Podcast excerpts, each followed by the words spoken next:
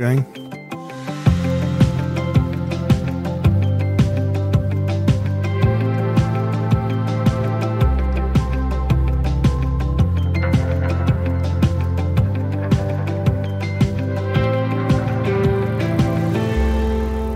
Godmorgen. Godmorgen. Du har tændt for Radio 4 morgen i dag på en fredag med Dagmar i Møstergaard og Jakob Grosen. Ja, det er fredag morgen. Vi ugen går på held. Weekenden kommer snart.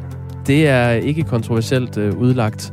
Og noget af det, vi skal om på i dag, det er øh, elevsammensætningen på gymnasierne. Den er blevet pivskæv, sagde børne- og undervisningsminister Pernille rosenkrantz teil da hun i går præsenterede en ny aftale om elevsammensætningen på landets gymnasier.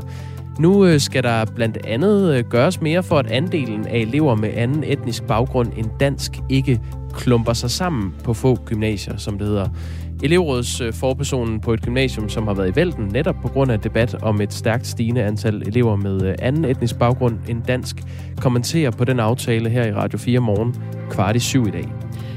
Vi kan ikke længere bunde. Vores dambrug har aldrig været i en større krise, hverken økonomisk eller menneskeligt. Det skriver dambrugere i et opråb til politikerne, og det sker altså efter flere dambrug har fået konstateret den frygtede fiskesygdom IHN-virus. Klokken 20 minutter over 6 i den her time, der taler vi altså med Sten Kær, hvis dambrug er blevet smittet med viruset, og spørger ham, hvor alvorlig situationen her egentlig er. Så er det i aften, at EM i fodbold bliver skudt i gang i øh, Rom i Italien. Og i morgen møder Danmark Finland i øh, parken i København. Vi kommer til at tale med øh, en af landets bedste fodboldkommentatorer, siger jeg lige, og det kunne godt lyde som om, det bliver et fuldstændig ukritisk interview, men det med Morten Brun. Han er jo selv øh, EM-guldmedaljevinder fra ja. 92, og men han ikke kom på banen. Øh, vi skal tale med ham om, hvad vi kan forvente af lørdagens kamp mod Finland, og generelt af den her slutrunde øh, fra dansk side. Der er jo flere gissninger om, at, at Danmark kunne være en mulig dark horse til faktisk at vinde EM. Du kan også byde ind på det her med nogle øh, spotter om, om, hvordan Danmark øh, kommer til at klare sig i EM. Du kan også byde ind, hvis du skal øh, se kampen, der altså løber af stablen i morgen mellem Danmark og øh, Finland. Hvordan vil du følge det her EM? Og hvor langt tror du egentlig, Danmark kan gå? Er vi en dark horse i øh, årets omgang? Skriv ind på 1424, start beskeden med R4, et mellemrum, og så øh, din besked. Ja, og øh, det og meget andet, øh, det er bare noget af det, vi har teaser for her, vi kommer til at behandle i Radio 4 morgen i dag. Jeg kan godt garantere, at det bliver et rigtig godt program i dag. Ja, det bliver strålende. Vi håber at høre fra dig på 1424. Begynd beskeden med R4. Indtil videre kan vi bare sige, at det er Dagmar i Møstergaard, og jeg er Grosen, der er på plads.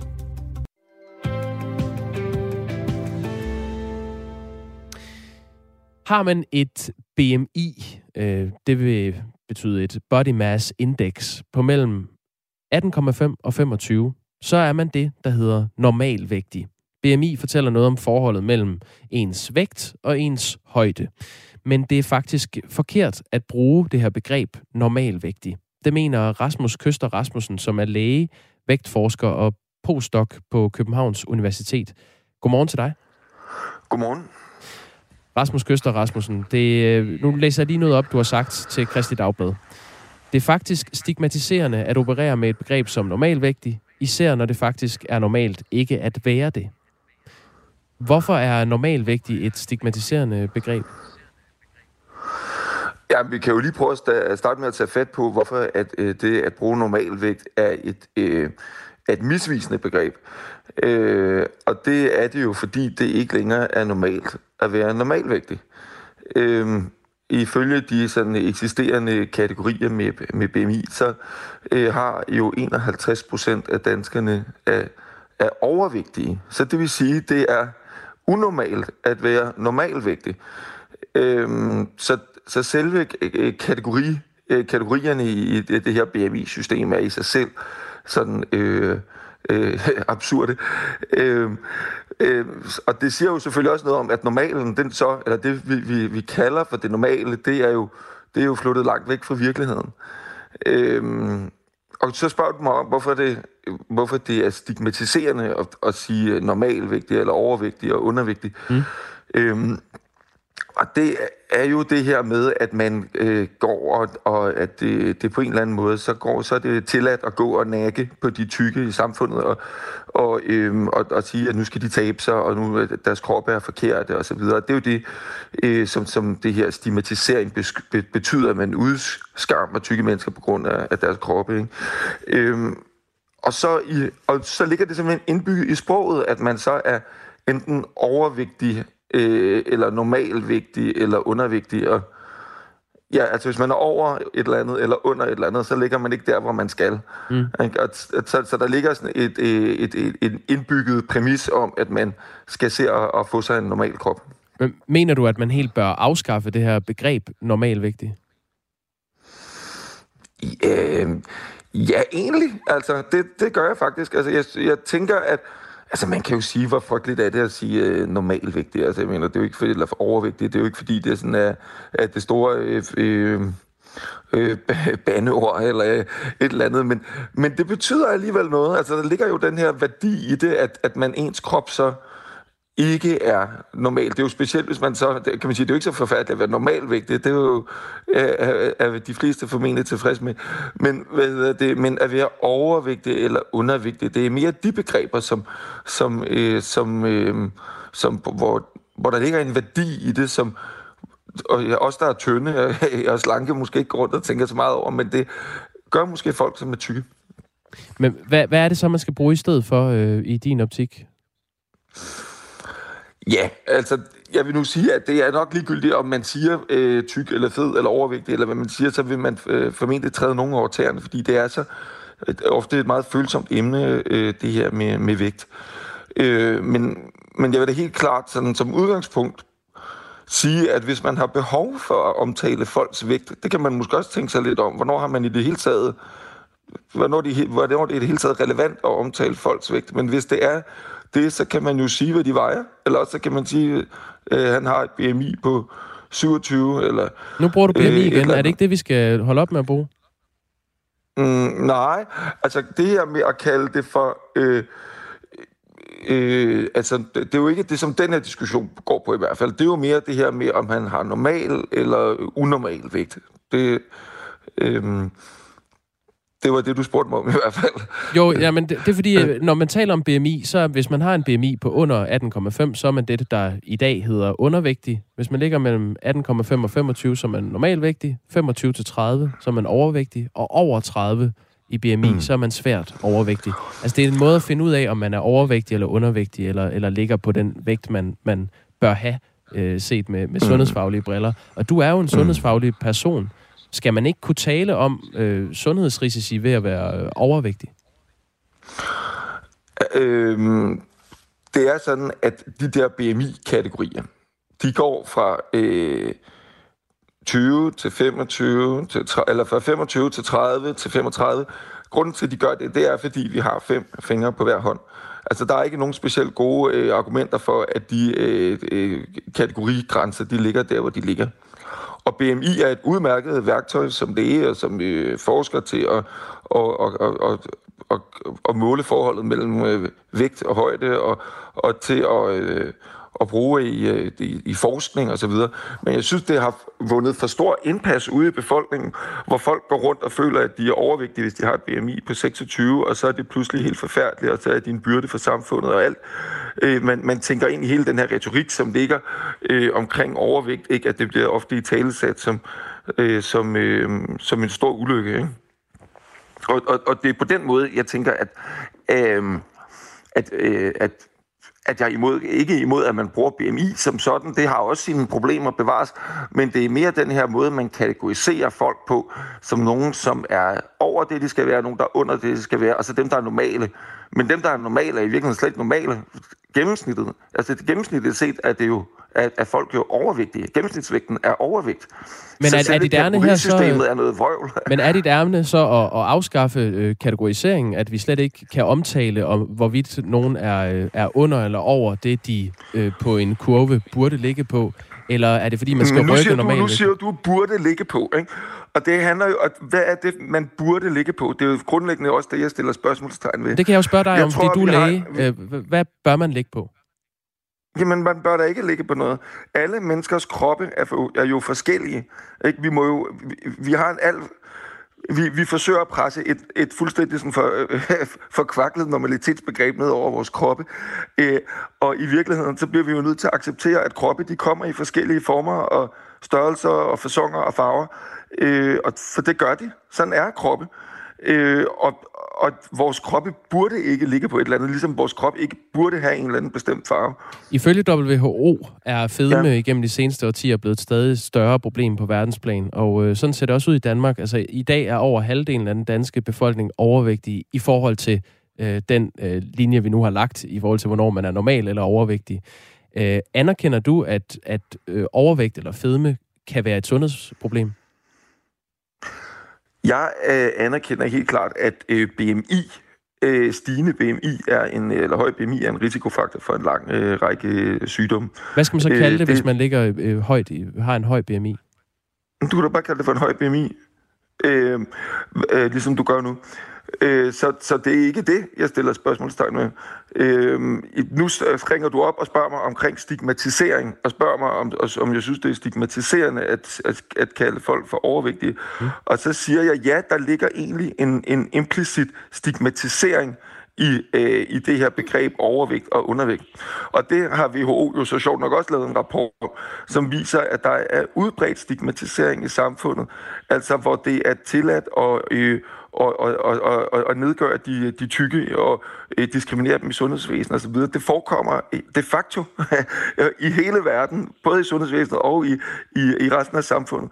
Øh, og, øh, og denne her stigmatisering, den starter jo blandt andet i sproget, øh, øh, hvor, og det er jo ikke fordi, at jeg synes, det er Rasmus mega forfærdeligt, hvis der er nogen, der siger overvægtigt. Ja.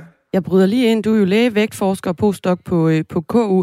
Jeg skal simpelthen bare forstå, har vi ikke brug for nogle begreber til at, øh, at, at sætte på folk, både i, i, altså især måske i forhold til sundhed, eller er alle mennesker sunde, uanset øh, kropstype og, og vægt?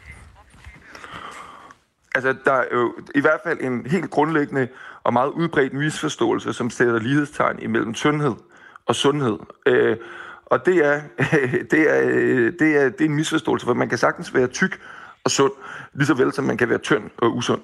Men når du siger tyk og tynd, så er det jo i forhold til noget. Man kan jo ikke være tyk, øh, hvis man ikke sætter det over for noget andet. Så når du siger tyk, hvad sætter du så det over for? Altså, hvornår er man tyk? Ja, det står vel i forhold til at være tynd. Øhm, Men hvad, hvad, vil, hvad vil det sige at være tynd og tyk? Ja, øh, det, de begreber, du kan, du kan jo altid gå ind i en diskussion om, hvad det er så for nogle begreber, der, om de så også er stigmatiserende, og så nogen, vil nogen formentlig opleve dem.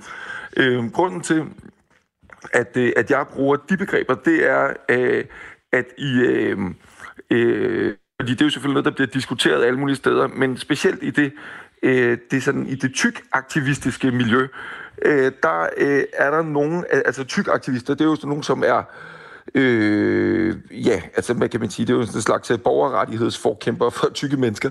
Øh, hvad hedder det? Øh, og, og inden for det miljø, der er der nogle af dem, som er meget akademiske, og de er meget klare i spyttet omkring, at de ikke vil kaldes overvægtige, og de vil ikke kaldes fede. Øh, de vil kaldes tykke, øh, og det betragter de som et øh, neutralt begreb, og det er fuldstændig det samme et trend, der går igen i den amerikanske litteratur og i de amerikanske, mm. øh, skal vi sige, øh, bevægelser, at der vil man heller ikke kaldes for obese, som er det engelske ord, der svarer til fed, øh, men man vil gerne kaldes for fat, for, som er det ord, der svarer til tyk på dansk. Øh, så, så det er egentlig den fuldstændig samme et trend, som der også øh, sker i, i USA. Og, Men jeg mener bare, du, du sagde, øh, du sagde og, tidligere, at man ikke skal, skal sådan kategorisere folk i forhold til, til det, fordi det, det kan være problematisk. Så når du siger tyk eller tynd, så går du også ind og kategoriserer mm. nogen i forhold til en normal. Gør du ikke det? Øh, det, ja, det, som jeg sagde, startede med at sige, det er, at hvis man overhovedet har brug for at omtale en persons vægt eller statur, så vil jeg hellere bruge ordene tyk og tynd, end jeg vil bruge ordene overvægtig og undervægtig. Men hvad, hvornår er man tyk i din optik? Jamen, det er jo individuelt. Ikke?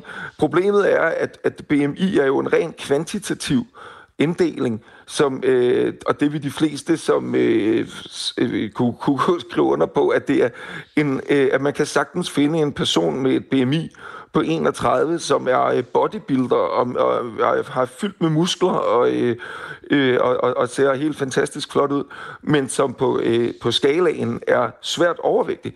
Øh, lige så vel som man vil kunne finde en øh, meget, meget smuk øh, øh, øh, og, og velskabt og velproportioneret person, som øh, går under kategorien undervægt. Så, så jeg synes, at den er for... Så, så i min optik, så handler det øhm, så er det individuelt. Altså, så er det, så er det, for, for, så er det for primitivt at sætte bare en, en, en, en, et forhold, altså et helt øh, kvantitativt forhold op mellem højde og vægt. Men, men er, er svær overvægt forbundet med en række følgesygdomme, som for eksempel forhøjet blodtryk, fertilitetsproblemer, sukkersyge, forhøjet kolesteroltal, ledsmerter osv.? Det, det er det da. Er man ikke nødt til at kunne, kunne tale om det i en eller anden form? Hvorfor vil du tale om det? Jamen ud fra et sundhedsfagligt perspektiv, det er fordi, jeg har fået en sms her, for nu læser de den op. Jeg er lodret mm. uenig med lægen. Mm. Fokus på fedme er alt for svagt mm. i samfundet. Folk, der er, øh, nu, mm. nu læser jeg bare op, voldfede, øh, går, for det ikke er hvide i sundhedsvæsenet, selvom alle ved, grunden til, at de er syge, har dårlige knæ osv., er fordi de er fede. De koster kassen for samfundet. Det skal i tale sættes, hvis man er fed. Jeg har selv gået fra 33 til 25 i BMI. Ja, jeg bliver bare rigtig ked af det, når jeg hører sådan en, øh, en besked der. Ikke? For den er jo netop mega, mega stigmatiserende over for et folk, som er tykke. Det er sådan, at, øh, at øh, vægttabsprogrammer virker ikke. Og det kan godt være, at vores lytter her har tabt sig fra et BMI på 33 til 25, men al statistik tilsiger, at han ryger tilbage på sin BMI 33 igen. Der er simpelthen øh, ingen vægttabsprogrammer, der øh, virker på lang sigt. Man kan sige, at alle vægttabsprogrammer virker på kort sigt, men inden for et par år, så vejer man gennemsnitligt set det samme igen, som man gjorde, da man startede. Så man kan ikke tabe sig? Øh, og nej. Det, det, det, det, det, er, jeg er simpelthen, jeg har, jeg har tabt mig. Altså, jeg har faktisk tabt mig en del her ja. over de seneste år. Jeg har tabt mig 8 kilo eller sådan noget. Hmm. Øhm, det, den, ja. den vægt holder jeg. Det var noget, jeg havde taget på, men så har jeg smidt det igen. Øhm, tror du, jeg kommer til at tage hmm. det på igen så? Ja, det tror jeg faktisk. Hvad hedder det? Og det, som jeg, jeg vil godt op, for det er jo et mega kompliceret emne, det her. Øh, og, øh, og, og, øh, og jeg vil godt opfordre alle lyttere til at høre det, der hedder Radio Ligevægt, som er en podcast-serie med, øh, med viden omkring det her, øh, som jeg har lavet sammen med en anden praktiserende læge, Christian Føtz, mm. øh, Radio Ligevægt, hvor vi fortæller om man kan downloade den på Spotify og på iTunes, hvor, man kan, hvor vi trin for trin gennemgår den viden, vi har omkring det her med vægt og slankekur og de myter, der eksisterer, og den måde, som, øh, som for eksempel stigmatisering, det her med, at man altså at lytteren, de ord, lytteren bruger, den måde at tale ned om tykke mennesker, det er i sig selv med til, at øh, deres vægt øges. Det, at folk føler sig stigmatiseret, er med til at give vægtøgning. Det er veldokumenteret. Øh, så, øhm, så, jeg, så, det kan, så den lytter, som havde skrevet ind, der må jeg bare sige, at jeg synes, det er meget sørgeligt. Jeg, jeg skal lige forstå her, når du nu siger til øh, Jakob Grosen her, når han siger, at han har, har tabt sig 8 kilo, at så siger du, at dem tager han på igen. Altså, hvis man vejer noget, så vejer man det for evigt. Så hvis man er tyk, så er man tyk for evigt, eller hvad? Man kan ikke tabe sig. Ja, det er sådan, at ens vægt, den ændrer sig igennem livet, og den er meget... Øh, altså, grundlæggende har vi ikke særlig stor indflydelse på vores egen vægt. Vi lever i en illusion omkring, at vi kan styre vores vægt, og det kan vi i virkeligheden ikke. Den er i meget høj grad styret af øh, vores genetik, og af det samfund, vi lever i, og den kultur, vi er omgivet af. Øh, det er langt, langt øh, mere kraftige faktorer, der er omkring det, der påvirker vores vægt, end det vi selv øh, tror, vi kan styre. Rasmus Køster Rasmussen, læge, vægtforsker, ja. postdoc på øh, KU. Tak fordi du tog øh, diskussionen her i Radio 4 mm. morgen. Jo, og så god fornøjelse med at lytte til Radio Ligevægt. den, øh, den tror jeg, vi har fået reklameret for nu. Tak for det. Godmorgen. Øhm, ja, vi tager nogle sms'er lidt senere. Vi skal lige nå en anden historie, men ja. øh, lad, os, øh, lad os tage en runde på sms'erne på den anden side af nyhederne. Ja. Klokken er 24 minutter over 6. Så er vi i gang. Den frygtede fiskesygdom IHN-virus er øh, blevet konstateret syv steder i Jylland, og det er det, vi skal omkring nu. Og sygdommen her, den er altså ikke farlig for mennesker, men den er dødelig for især regnbueørder og atlantisk laks, og har altså store konsekvenser for det danske dambrug, for fiskeeksporten og også for lystfiskerne. Danmark har ellers indtil nu været certificeret som et IHN-frit land. Øh, men de virusramte dambrug, de har nu altså skrevet et åbent brev til politikerne, hvor de spørger om hjælp til at få bekæmpet IHN-viruset. Og vi aner ikke vores levende råd, skriver de, og vi har desperat brug for politisk agerende, står der videre. Godmorgen, Sten Kjær. Godmorgen. Ejer Dambrud Præstkær Fiskeri i Brørup i Vejen Kommune. Du har fået øh, konstateret IHN-virus. Det skete for en uge siden på dit dambrug, hvor der er 135 tons fisk fordelt på 36 damme. Og som konsekvens, der bliver du altså underlagt tilsyn af Fødevarestyrelsen, og øh, det betyder, at du ikke må flytte fisk fra dit dambrug uden tilladelse. Og siden er det altså ikke lykkedes dig at få solgt nogen af dine fisk. Hvordan kan det være? Jamen, jeg har prøvet at søge alt, hvad jeg kan, men det er, det er ligesom, du har sådan en, ligesom til salg skal det stå inficeret fisk med IHN til salg. Det er ligesom ret det der fingre, når folk vil købe nogle fisk her, også sådan set på nogle måder. Og samtidig med, så har vi prøvet at sælge fisk til slagterier i Polen og andre ting. Vi, øh, og så spørger vi den lokale veterinærmand, så siger han, ja, det er fint nok, I skal bare sende en trace-erklæring ind, som det er en transportdokument, og så øh, skal I bare lige skrive, at de ikke er IHN øh, fri. Og det, så siger, jeg, siger Fødevarestyrelsen, at vi skal lige over København med den her. Så spørger de nede i Vesjava, og så får vi nej til at sælge fisk til at slagte. De vil gerne slagte de her fisk. Så fik vi nej af, og så begynder det at blive politisk, fordi han måske lige spurgt ind over Vesjava, der havde vi nok fået lov til at købe den ned. Yes. Og sådan har vi rendet ind i problemer i hele tiden med at komme af med fisk nu, fordi nu er det ligesom om, at andre lande synes, at det er deres problem, at vi har vi har her hjemme i Danmark, og det er der problemet kommer til at ramme os nu. Så det betyder altså, at eksporten den er gået, øh, gået kaput, og generelt bare salget af, af de fisk, du, øh, du ligger ind med. Hvad er det, der sker, når det ikke lykkes for dig at komme af med fiskene? Jamen, fiskene, de vokser jo hele tiden, og vi får flere og flere fisk i dammene. Og, og desværre så falder vandet også, fordi nu er det sommer, og, og bønderne begynder at mangle vand ude på deres marker. Og de bønder så vandet, og det får med til at vandet til også at falde i jorden. Så, så det er sådan en kamp mod tiden, det her også. I det sidste, så, så blev det svært at holde liv i de her fisk. Og de vokser jo hele tiden, for at give dem noget foder. Hvis jeg giver dem noget foder, jamen, så, så, går det, så æger de hinanden, så går der buddhisme i. Så det er sådan, uanset hvad vi næsten gør, så kan det næsten ende galt det her også, som siger. Også. Mm. Og nu står du her øh, med, med en, en ordentlig omgang fisk, du ikke øh, kan gøre noget som helst med, og der er blevet sendt den her, øh, det her brev til, øh, til politikerne, et åbent brev, hvor I spørger om, om hjælp til at få bekæmpet det her øh, IHN-virus. Hvad er det, øh, du og de andre dambrugere, I vil have politikerne til at gøre ved smitteudbruddet i Danmark?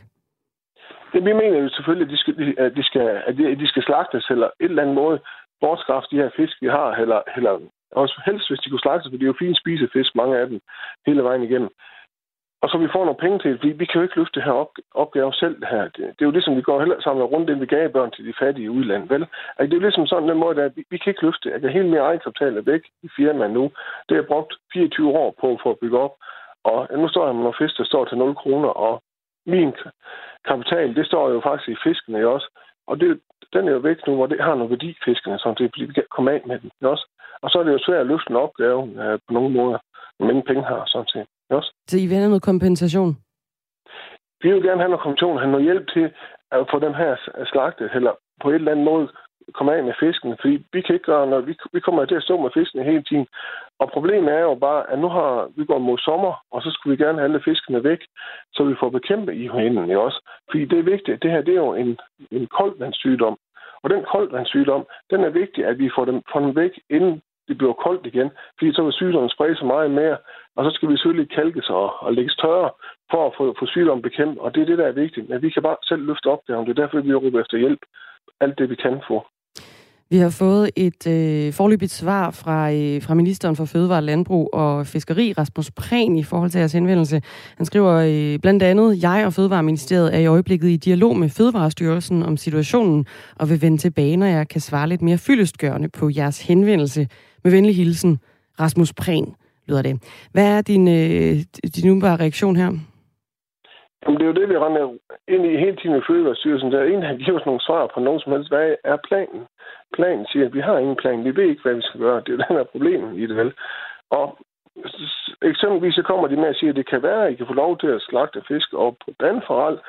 Og så, så tænker jeg, at fint, og vi har nok nogle, nogle mindre fisk i mindre størrelse. Vi skulle, jeg skulle mig ringe op til Danforal.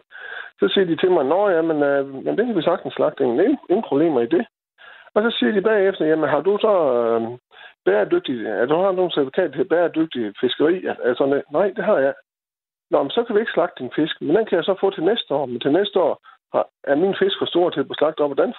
Og så er det jo realistisk, nogle af de der ting, når de kommer med forslag om, hvordan vi kan gøre det her ting. Mm.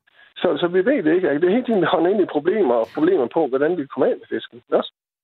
Sten Kjær, det er en historie, vi øh, sikkert kommer til at følge op på og ser, hvad der, hvad der kommer til at ske fremadrettet. fremadrettet. Tusind tak, fordi du var med her til morgen. Jo, velkommen. Mange tak, fordi jeg har ringet til mig. Tak. Godmorgen. Sten Kjær er altså ejer af Dambrud Præstkær Fiskeri i øh, Brørup i Vejen Kommune. Klokken den er i halv syv, og det betyder, at Henrik Myring han er klar med et nyhedsoverblik.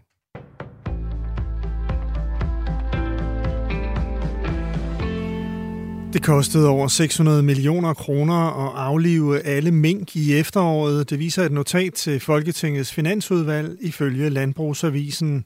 Omkostningerne for ned- og opgravningen af minkene og erstatningen til minkavlerne skal lægges oveni, da regningen på de godt 600 millioner udelukkende dækker aflivningsopgaven. Regeringen besluttede i november, at alle landets mink skulle aflives. Det blev blandt andet forklaret med en frygt for, at det muterede coronavirus kunne udgøre en trussel mod en kommende vaccine mod covid-19. Omkring 13.000 ton døde mink blev begravet på to militærområder i Midt- og Vestjylland. Jordmødre er skeptiske over for den nye økonomiaftale mellem staten og regionerne.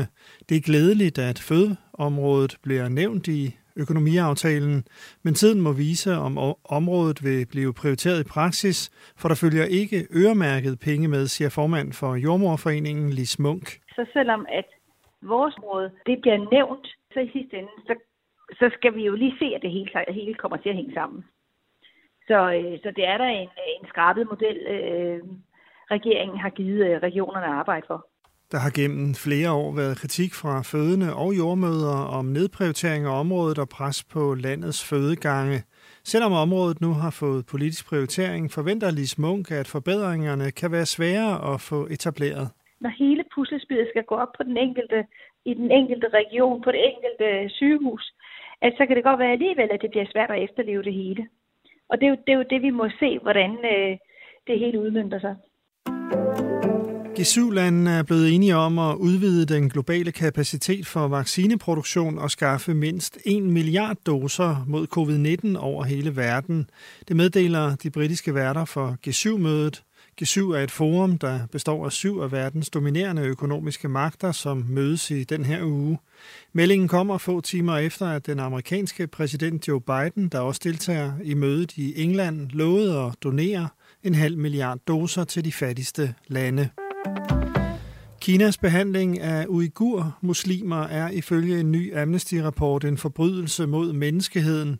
Amnesty beskriver, hvad organisationen kalder ekstreme tiltag udført af Kina siden 2017 for at undertrykke uigurerne og andre etniske mindretal i den nordvestlige Xinjiang-region. Rapporten, der blandt andet indeholder vidnesbyrd fra tidligere indsatte i genopdragelseslejre, fortæller blandt andet om et system med statsorganiseret tortur, forfølgelse og masseanholdelser. De kinesiske myndigheder har skabt et dystopisk helvedesagtigt sted med et rystende omfang, siger Amnestys generalsekretær Agnes Kalamar. Misbruget bør ryste alle menneskers samvittighed, tilføjer hun.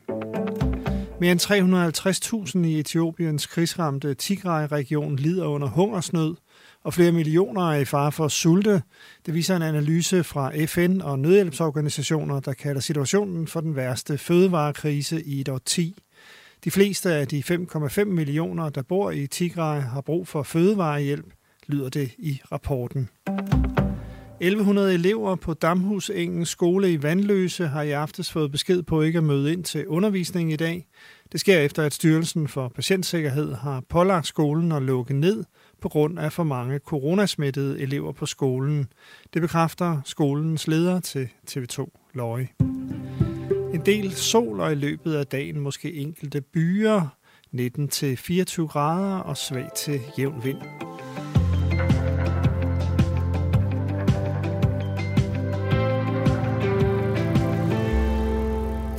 Er det forkert at bruge begrebet normalvægtig? Er det stigmatiserende? At operere med det begreb. Øh, måske fordi det ikke er normalt at være det, man kalder normalt vægtig. Det er synspunktet fra Rasmus Køster Rasmussen, som er læge, vægtforsker og postdoc på Københavns Universitet, at øh, det er forkert at bruge det begreb. Det havde vi et længere interview om øh, i starten af det her øh, program, og jeg skal lige love for, at vi kom i gang, og øh, det gjorde I også ud ved, øh, ved telefonerne. Det er skønt at øh, få en masse sms'er. Øh, Dagmar, vil du ikke øh, stikke næsen i sms'en? Vi, vi starter fra toppen her. Der er en, der skriver, jeg spiser alt, hvad jeg har lyst til, og tager måske 3-4 kilo på. Jeg er nok en af de heldige. Jeg lærer mine børn at ikke, bruge, ikke at bruge ordet tyk eller slank. Jeg bryder mig ikke om, hvordan nogen stigmatiserer dem. Det har lidt mere vægt på, skriver en. Goddag. Kan vi få en ekspert på banen? Hvad er det for en påstand, at man ikke kan have vedvarende vægttab? Det passer da ikke. Vi stigmatiserer da også ryger, fordi det er sundhedsskadeligt. Hvorfor så ikke overvægt, spørger Daniel. Martin, han stemmer øh, lidt i med den sms. Han skriver, vanvittig påstand, at man ikke kan tabe sig og totalt ansvarsfraskrivende. Jeg tabte 40 kilo for 10 år siden, og har så åbenbart til gode at tage det på. Man kan tabe sig anderledes end ved slankekur. Livsstilsændring, skriver Martin fra København ind. Øhm, Kenneth Fischer skriver, mine coronakilo er altså fiktion. Og så skriver han så også, eller hvad man skal, hvis man skal beskrive en, et eftersøgt udseende, den eftersøgte er fed eller tyk, spørger Kenneth Fischer. Rune skriver ind med venlig hilsen, og hej igen. Kan man låne ham her til at argumentere over for hende derhjemme, næste gang hun foreslår en kur? øhm, stop nu dig selv. Vi ved, at fedme er usundt. At man påpeger, at overvægtige mennesker burde tabe sig, er ikke diskriminerende. Bare en venlig reminder om, at de nok burde tænke øh, over, hvad de putter i munden. Vi udskammer ryger og alkoholikere hele tiden, og det er mindst lige så usundt. God morgen fra Christian på 34 år fra Aarhus. Tusind tak for sms'erne. Ja, der, der kan man måske lige sige til, til Christian, at, at man er jo ikke nødvendigvis selv øh, ud om, hvad man, øh, hvad man vejer. Øhm, der kan jo være alle mulige faktorer, der er i spil der. Aske siger, øh, BMI bruges da ikke til mobning. Det tager, det tager man på udseende, ikke? Det bruges i forbindelse med sundhedsforskning. Hvordan kan han underkende det som læge? Christian, ja? 34 år fra Aarhus, skriver, stop nu dig selv. Vi ved fedme er usundt, at man påpeger, at overvægtige mennesker burde tabe sig, er ikke diskriminerende. Bare en venlig reminder om, at de nok burde tænke over, hvad de smider i munden. Vi udskammer ryger og alkoholikere hele tiden, og det er mindst lige så usundt. Nå, ja, det var, det var den, jeg lige læste, tror jeg. Var det det? Ja. Herude på landet siger vi kraftig eller klein. Kraftig eller klein. Der er også en, der skriver. Og så er der Men en, hvad skriver, ligger så midt imellem kraftig eller klein? Det er jo det der med normalvægten. Det tør jeg ikke udtale mig om. Hold kæft noget plader, som lægen sagde. Og Aske skriver, what? Jeg har tabt 20 kilo for to år siden, fordi jeg skiftede kost, som en læge anbefalede. Og WHO. Med venlig hilsen, Aske. Anbefalinger alle vegne fra. Sygt mange sms'er. Ja. Det er mega dejligt, I er vågnet med os. Det er simpelthen en fornøjelse. Husk at, øh, at fortsætte den gode stil. Skriv ind på 1424. Begynd beskeden med R4, når der er noget, der hisser dig op, eller noget, der øh, rammer lige der, hvor dine holdninger ligger. Eller hvis du har et spørgsmål til de gilder, vi behandler. Ja, tak. Lige nu er klokken blevet 22 minutter i syv, og vi skal ombord i øh, EM i fodbold. For det er i morgen, der bliver trukket i rødt og hvidt, når Danmark møder Finland i parken. Og allerede i aften møder øh, Italien Tyrkiet i Rom og skyder dermed EM i gang.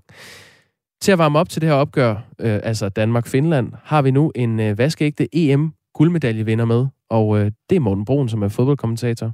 Godmorgen. Godmorgen. Hvad skal vi være opmærksomme på ved Finland i morgen? Altså i forhold til øh, risikoen for ikke at vinde? Ja. Ja, det korte, det korte svar er Timo Pukki, som mange vil huske fra, fra hans tid i Brøndby. Altså Finland er jo på internationalt niveau ikke nogen sær, særlig stærk modstander, så hvis vi skal have vores store EM-regnestykke til at gå op, og hvis vi skal have startet sådan den, den store EM-eufori, så, så er der ikke rigtig nogen vej udenom at, at, besejre Finland. Men vi skal, vi skal være opmærksom på Timo, Timo Pukki, men bundlinjen er stadigvæk, at øh, hvis vi skal demonstrere, at vi er så gode, som vi tror, vi er, så skal vi kunne slå Finland. Nu nævner du øh, uh, Timo Pukki. Han er jo tidligere Brøndby-angriber, til dem, der så ikke lige måtte huske ham. Uh, Morten Brun, hvis vi taber til Finland, er, uh, er EM så slut for Danmarks vedkommende?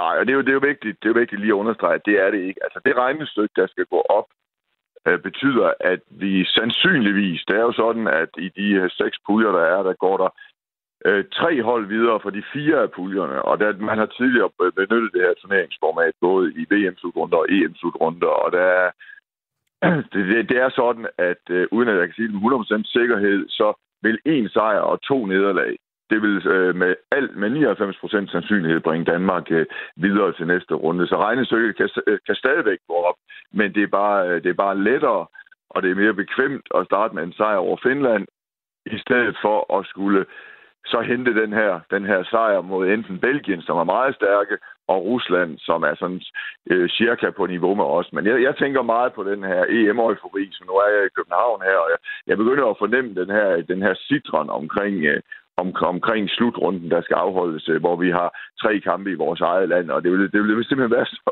det vil være så ærgerligt for den her EM-stemning, hvis vi starter med en eller anden flad 0-0 eller 0-1 mod Finland. Hørt.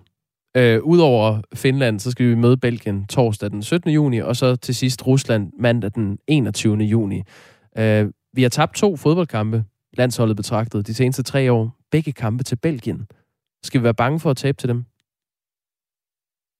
Ja, det skal vi da. Det skal vi da. Belgien, øh, Belgien er et godt hold, og er øh, en af favoritterne til, til EM-slutrunden. Men hvis vi sådan dykker ned i, i deres hold, så har de altså nogle problemer, fordi der er deres to øh, absolut bedste spillere, det er Eden Hazard, spiller for Real Madrid, og Kevin De Bruyne, der spiller for Manchester City. Og Eden Hazard er simpelthen bare i dårlig form. Altså det vil svare til, at øh, på det danske landshold, at, øh, at Christian Eriksen slet ikke kunne finde sin rytme. Og det har han været i, i to sæsoner i Madrid, så det er altså ikke bare et forbigående fænomen. Og dem, der så, øh, der så Champions League-finalen med Manchester City og Chelsea vil vide, at der udgik øh, Kevin De Bruyne med, med, med brud i ansigtet, og det er tvivlsomt, om han kommer med mod Danmark. De har ham i truppen, og de regner ikke med ham til den første kamp, den, den kamp mellem Danmark og Belgien øh, er, er den anden, der skal spilles. Så øh, det, for det første er det ikke sikkert, at han kommer med, og for det andet, så, øh, så påvirker det alligevel ofte øh, spillerne negativt, hvis de har en, en skade i ansigt, ansigt, som ikke er helt lægt. Så Belgien er ikke, er ikke på 100%, når vi kommer til at møde dem. Men øh, fordi hvis de var det, så blev det, altså, så blev det en, en opgave, der ville være svær at løse. Vi øh, indledte den her udsendelse med at sige blandt andet, at, at Danmark bliver nævnt flere steder som en dark horse øh, til faktisk at gå hele vejen til den her EM-slutrunde. Og det har affødt en øh, sms fra vores lytter Rune, der skriver, øh, hvis andre nationers eksperter og sportsjournalister nævner Danmark som en dark horse, så kan der være noget om snakken. Alt andet er jubeloptimisme. God dag og weekend. Venhilsen Rune. Hvad mener du, Morten Broen? Ser du Danmark som et, et, en seriøs, sådan lidt uh, underdog-bejler til, Europamesterskabstitlen? Ja, det gør jeg. Det gør jeg. Altså, det, det er jo ofte sådan, og specielt efter en periode, hvor der jo ikke har spillet ret mange landskampe på grund af, af coronapandemien, altså der famler man jo lidt i blinde men og, og så gør man jo det, at man kigger på, jamen, hvor spiller de her pågældende spillere? Og hvis vi lige runder Finland igen, så er det jo en af grundene til, at, øh, at vi ikke kan have den store tiltro til dem. At der blandt andet er to spillere fra Esbjerg i den finske øh, EM-truppe. Det er altså den næstbedste række i Danmark. Men på det danske landshold, der spiller de jo alle sammen lige i øjeblikket for de største, nogle af de største klubber i, i Europa. Du har Kasper Schmeichel i Leicester, du har Simon Kjær i AC Milan, Andreas Christensen har lige vundet Champions League med med, med Chelsea, Christian Eriksen, italiensk mester med Inter. Og det er den ene ting. Den anden er, at de spiller regelmæssigt. Og, og når du har et hold, der nærmest udelukkende består af spillere fra nogle af de aller ypperste klubber i Europa, og de spiller regelmæssigt, så kan det jo heller ikke nytte noget, at vi så øh, spiller det her totale underdog-kort og siger, at vi har slet ikke nogen chance. Fordi vi, vi har en chance. Man hører mig ikke sige, at vi bliver med, at vi bliver med 100% sikkerhed europamestre. Vi er heller ikke blandt de allerstørste favoritter, men vi er en af de nationer, som rent faktisk kan gå ind i den her EM-turnering med en, med en ambition og et håb om, rent, om, om, om at ende med at vinde den. Det er altså en måde at gå ud af det her interview på, øh, Morten Brun. Tak for analysen. Det var så lidt. Og optakten. Morten Brun er fodboldkommentator. Og vi kan jo sige til øh, Rune, der, der skrev ind, at det, det er altså ikke kun øh, Morten Brun, som jo er en, en dansk øh, fodboldanalytiker og kommentator, der, der nævner Danmark som, som Dark Horse. Jeg hørte i øh, den fodboldpodcast, der hedder øh, Football Weekly, som Guardian laver, at der var en af deres eksperter, der også sagde, Danmark kunne godt være et, et bud på en, en mulig vinder. Sådan lidt fra uventet kant. Så der er måske noget om snakken, Rune. Og vi har lyttere, som øh, glæder sig til at se den her øh, kamp. Jeg elsker fodbold og glæder mig til at se kampen i morgen med mine børn. Mit største ønske er, at Danmark kommer til finalen, så vi også kan komme videre fra øh, EM i 92. Den plade går nok slidt efterhånden. Det tror jeg sgu aldrig, vi kommer. Tror du ikke det? Jeg tror aldrig nogensinde, Danmark kommer videre fra 92. Okay, den sidder i hak der, den plade. Der er også en, der skriver det, Bo fra Østerbro, han skriver, I burde lave en happening i forhold til det her med, øh, hvordan, hvordan det kommer til at gå. Altså spådommen, ikke?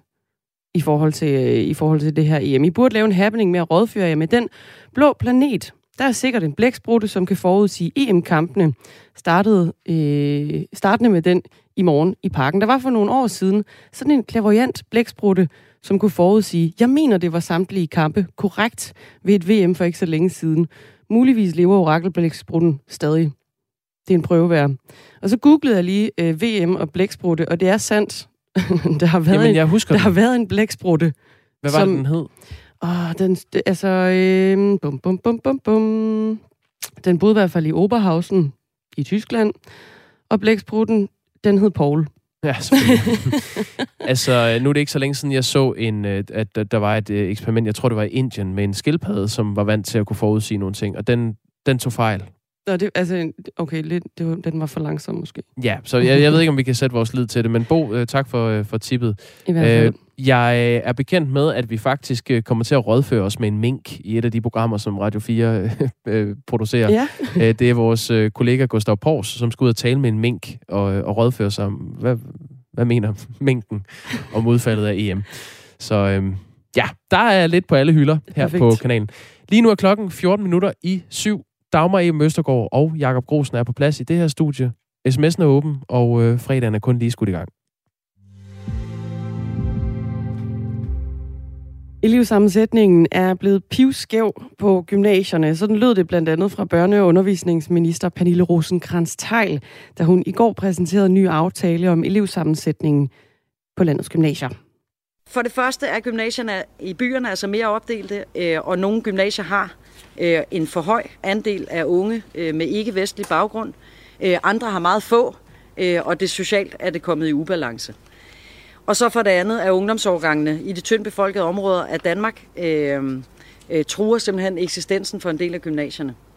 Og derfor er vi blevet enige om en ny øh, model, Det sagde børne- og undervisningsministeren på et øh, pressemøde i går, og den her nye model, den skal blandt andet, eller eller måske især, gøre op med for mange elever med indvandrerbaggrund samlet på få gymnasier. Godmorgen, Anna Winter Nielsen, Godmorgen. elevrådsforperson på Viby Gymnasium i øh, Aarhus. Og det er altså et gymnasium, som har været øh, i vælten, netop på grund af en debat om et stærkt stigende antal elever med en anden etnisk baggrund end dansk. Og Anna Winter Nielsen, du er positiv over for den her nye aftale, der landede i går, der altså skal sikre en mere bred elevsammensætning. Hvorfor er det en god aftale i dine øjne? Jamen, jeg synes, den her aftale er ret god, fordi at du ikke kun øh, fordeler de elever, som er svagest, eller med, med, med de ressource, øh, ikke så ressourcestærke familier. Øh, den her model siger ligesom, at der skal være en andel af øh, lav og høj og, og middelindkomst øh, familier, øh, som gør, at det ligesom bliver ligeligt fordelt på alle gymnasier. Øh, så kom, altså det, jeg tænker, at det kommer til at hjælpe med øh, at li- ligestille gymnasierne, og, og så, som, som også gør det, at, at det bliver mere bæredygtigt. Hvor, hvorfor bliver det mere bæredygtigt af det? Jamen fordi man ikke ligesom er lige så bekymret, eller skal kæmpe lige så hårdt for, at man har, øh, at ens gymnasie skal overleve. Øh, og det, det er den her model også med til, fordi at de her øh, ventelister også bliver, bliver, øh, bliver fjernet. Øh, så det her med, at man, øh, hvis man sidder på et gymnasie, sagtens kan være skrevet op til et andet gymnasium. Øh, det, gør, det gør, at det, det er ligesom lettere presset, fordi det ligesom er fjernet nu. nu, nu den måde, man ligesom gør det på nu, det er, at man siger, jamen hvis man ikke trives på det gymnasie, så kan du få, øh, så kan du måske få en plads på et andet gymnasie, i stedet for at man bare kan sidde på en vis venteliste. Øh, ja, og så, øh, og så er det jo positivt, fordi at man, man ligesom ligestiller alle gymnasierne og siger, der er, der er en kapacitet for, på alle, og der er øh, en andel af forskellige elevtyper, der skal være på alle gymnasier. Så på den måde er det lidt mere bæredygtigt øh, og, og langtidsholdbart, kan man sige. Mm. Viby Gymnasium klagede for nogle år siden sammen med Aarhus Gymnasium til regionen over fordelingen af elever da begge gymnasier på få år oplevede en øh, stor tilgang af elever med en anden etnisk baggrund end dansk, og det førte så til, at regionsrådet i Region Midtjylland gik ind og lavede adgangsbegrænsning på syv af de mest populære gymnasier i øh, Østjylland, og en kvote på 10 procent elever fra øh, udsatte boligområder. Der har altså været udfordringer på Viby Gymnasium, og der er også blevet øh, råbt op, og regionen har så grebet ind for ikke at få en for stor andel af elever med anden etnisk baggrund end dansk. Hvad, hvad, hvad tænker du umiddelbart om den udvikling, gymnasiet har været igennem her efterfølgende? Jamen, det vi har oplevet nu, det er jo, at vi, vi ligesom har, har sagt stop for optaget af de elever, som kommer fra, fra udsatte boliger, som du selv siger, øh, som ligesom har gjort, at, at de har skulle vælge et andet gymnasium end det, der faktisk var lokalt. Øh, nogle af eleverne i hvert fald. Øh, og så på den anden side, så har vi jo så optaget en hel masse andre elever, øh, som kommer fra måske en, en lidt mere middelklasse øh, familie. Øh, og det har jo gjort, at vi, vi faktisk har vendt vores øh, elevsammensætning, så den ikke er øh, blevet så polariseret. Så vi har, vi har faktisk lykkedes at vende, vende den på Vibe Gymnasium. Så det er vi jo meget positive overfor. Og det vi var bekymret for, det var jo ligesom, at, at, at optaget, eller øh, vi ikke ville få nok ansøgere, og det så ville være skyldigt, at vi skulle lukke i den lange ende. Så hvis I har løst udfordringen på Viby Gymnasium, hvorfor, øh, altså, kan man ikke bare gøre det samme, som I har gjort? Så hvorfor er der behov for sådan en aftale, der landede, som, I, som den aftale, der landede i går? Hvorfor er der behov for den? Jamen det, her, det, det vi var udsat for, det var jo den, en meget, meget drastisk nødløsning, fordi at vi, vi ligesom var, var nødsaget til at vende den meget, meget hurtigt. Øh, og den måde, vi gjorde det på, det var jo ligesom at sige, at vi vil ikke have nogen af de her øh, elever, som, som kommer fra, fra ressourcesvage familier. Øh, men den, den, det kan man ikke gøre på samme måde. Øh, for det første, så, så var det meget øh, tilrettelagt lige netop vores gymnasium, og for det andet, så, så dur det ikke, at man, man kun, øh, man kun øh, øh, fokuserer på, på de øh, elever, som faktisk i forvejen har det øh, måske ikke lige så let, let. Så jeg synes, det, det giver meget bedre mening, at man ligesom siger, at der skal være en andel af alle typer elever på hver gymnasium, i stedet for at man kun fokuserer på for den her type elever og sige, at de er problemet, og det er dem, der skal løse det. Men er det ikke, øh, altså, nu snakker vi om anden dele, og det her med, hvor mange der må være fra hvilke boligområder, og nærmest hvad deres forældre må tjene jo. Hvad tænker du om, at man indfører sådan lidt et, et kvotesystem på, på gymnasierne i forhold til, hvad det er for en type mennesker, der må, der må få adgang? Jamen det synes jeg egentlig også er ret positivt, fordi så sikrer man sig faktisk, at man, man øh, kommer øh, på gymnasiet med nogle, nogle mennesker, som måske ikke kommer fra den samme familie, som man selv gør. Øh, og det tænker jeg, det kan man lære utrolig meget af. Øh, og samtidig med, så samtidig med, at man oplever en eller anden form for, øh, hvad hedder det, og oplever, at man, man kommer i klasse med, eller på gymnasiet med nogle elever, som, som, man ikke, som man ikke mener så meget om, så kommer man også til at så sikre den her model ligesom også, at man kommer til at være sammen med nogen, der ligner en selv, fordi at der ligesom er en anden del af alle typer elever på alle gymnasier. Øh, så det, det synes jeg også er positivt, så man både har nogle elever, man kan spejle sig lidt i, men så også nogle, man kan lære lidt af. Øh, altså dem, der, der måske ikke ligner sig selv. Øh, og gymnasiet er jo almindeligt dannende, og jeg, jeg vil da mene, at det, at man bliver almindeligt dannet, det er jo også, at man kommer lidt ud af, øh, at det øh, miljø, man, man selv er vant til at være i. Altså det her med, at man kommer ud og, og møder nogle andre øh, elevtyper, end den man selv er. Anna Winter Nielsen, elevrådsforperson på øh, Viby Gymnasium i Aarhus, som altså synes, den her aftale, der landede i går om fordelingen af gymnasieeleverne, er en, øh, en god måde at, øh, at gøre det på. Men Anna Winter Nielsen, det der jo også er humlen i den her aftale, det er, at kan man sige, det frie valg for nogle elever jo går, går vælten. Er det ikke unfair? Jamen, det, det er jo lidt en sjov debat, kan man sige, fordi at det frie valg har i princippet øh, ikke rigtig været der førhen heller. Øhm, der har jo været en eller anden form for kapacitet på alle gymnasier, og der, der er nogle klasser, som skal fyldes op, og hvis de er allerede, hvis de allerede er fyldt op, jamen, så kan du ikke komme ind. Så man er ikke sådan selv sagt til at øh, komme ind på det gymnasium, man søger ind på som første prioritet. Øh, og det var man heller ikke før. Øh, den nye aftale gør faktisk, at man, man har lidt mere frirum til at vælge gymnasium. Øh, uanset hvilken bogpæl man kommer fra. Altså den her øh, det, den, det her princip med, at dem, der bor tættest på, de har først ret til at komme ind, det har man fjernet. Øh, fordi at man tænker, at øh, de unge ligesom godt kan, øh, kan, kan tage lidt længere øh, væk, end, øh, end bare lige øh, det tætteste på. Øh, og det gør jo egentlig faktisk, at der kommer lidt mere frirum, og måske faktisk lidt mere plads til det frie valg, tænker jeg i hvert fald. Øh, så det, det synes jeg er positivt. Og på den anden side så kan man sige, jamen, vi det, har, det, det skal jeg lige have uddybet, Anna Winter Nielsen. Det her med, at der bliver mere plads til det frie valg.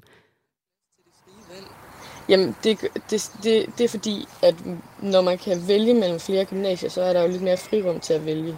Øh, og så, så kan det jo være, at de her øh, elever, som, som der også blev talt om, så var sådan et, et, et, et mørketal, øh, de måske faktisk hellere ville have været på et andet gymnasium end de, de lokale gymnasier, som de kunne vælge imellem. Øh, så på den måde, så, kan man, så, får det, så er der lidt mere frirum der. Anna Winter Nielsen, tak fordi du øh, var med her til morgen. Selv tak.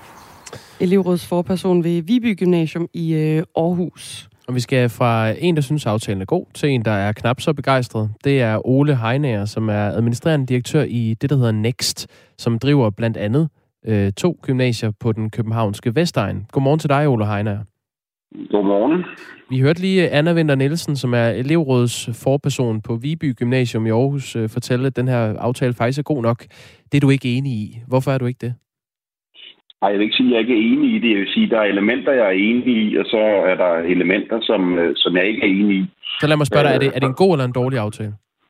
Jamen, den er god for, for nogle vedkommende, og så en dårlig for andres vedkommende. Øh, aftalen er jo delt op i to øh, store øh, dele. Den ene del, det er en aftale for landdistrikterne, hvor der er et afstandskriterie. Det synes jeg øh, er rigtig fornuftigt. Øh, også at øh, vi har stadig har mulighed for at opretholde nogle uddannelsesudbud øh, i de tyndtbefolkede områder. Og så er der en del, som, som er omfattet byzonerne, og det er i virkeligheden kun øh, København, Aarhus og Odense, der er omfattet her. Øh, og der er vi jo inde på en, en, øh, en fordeling på baggrund af forældrens indkomst.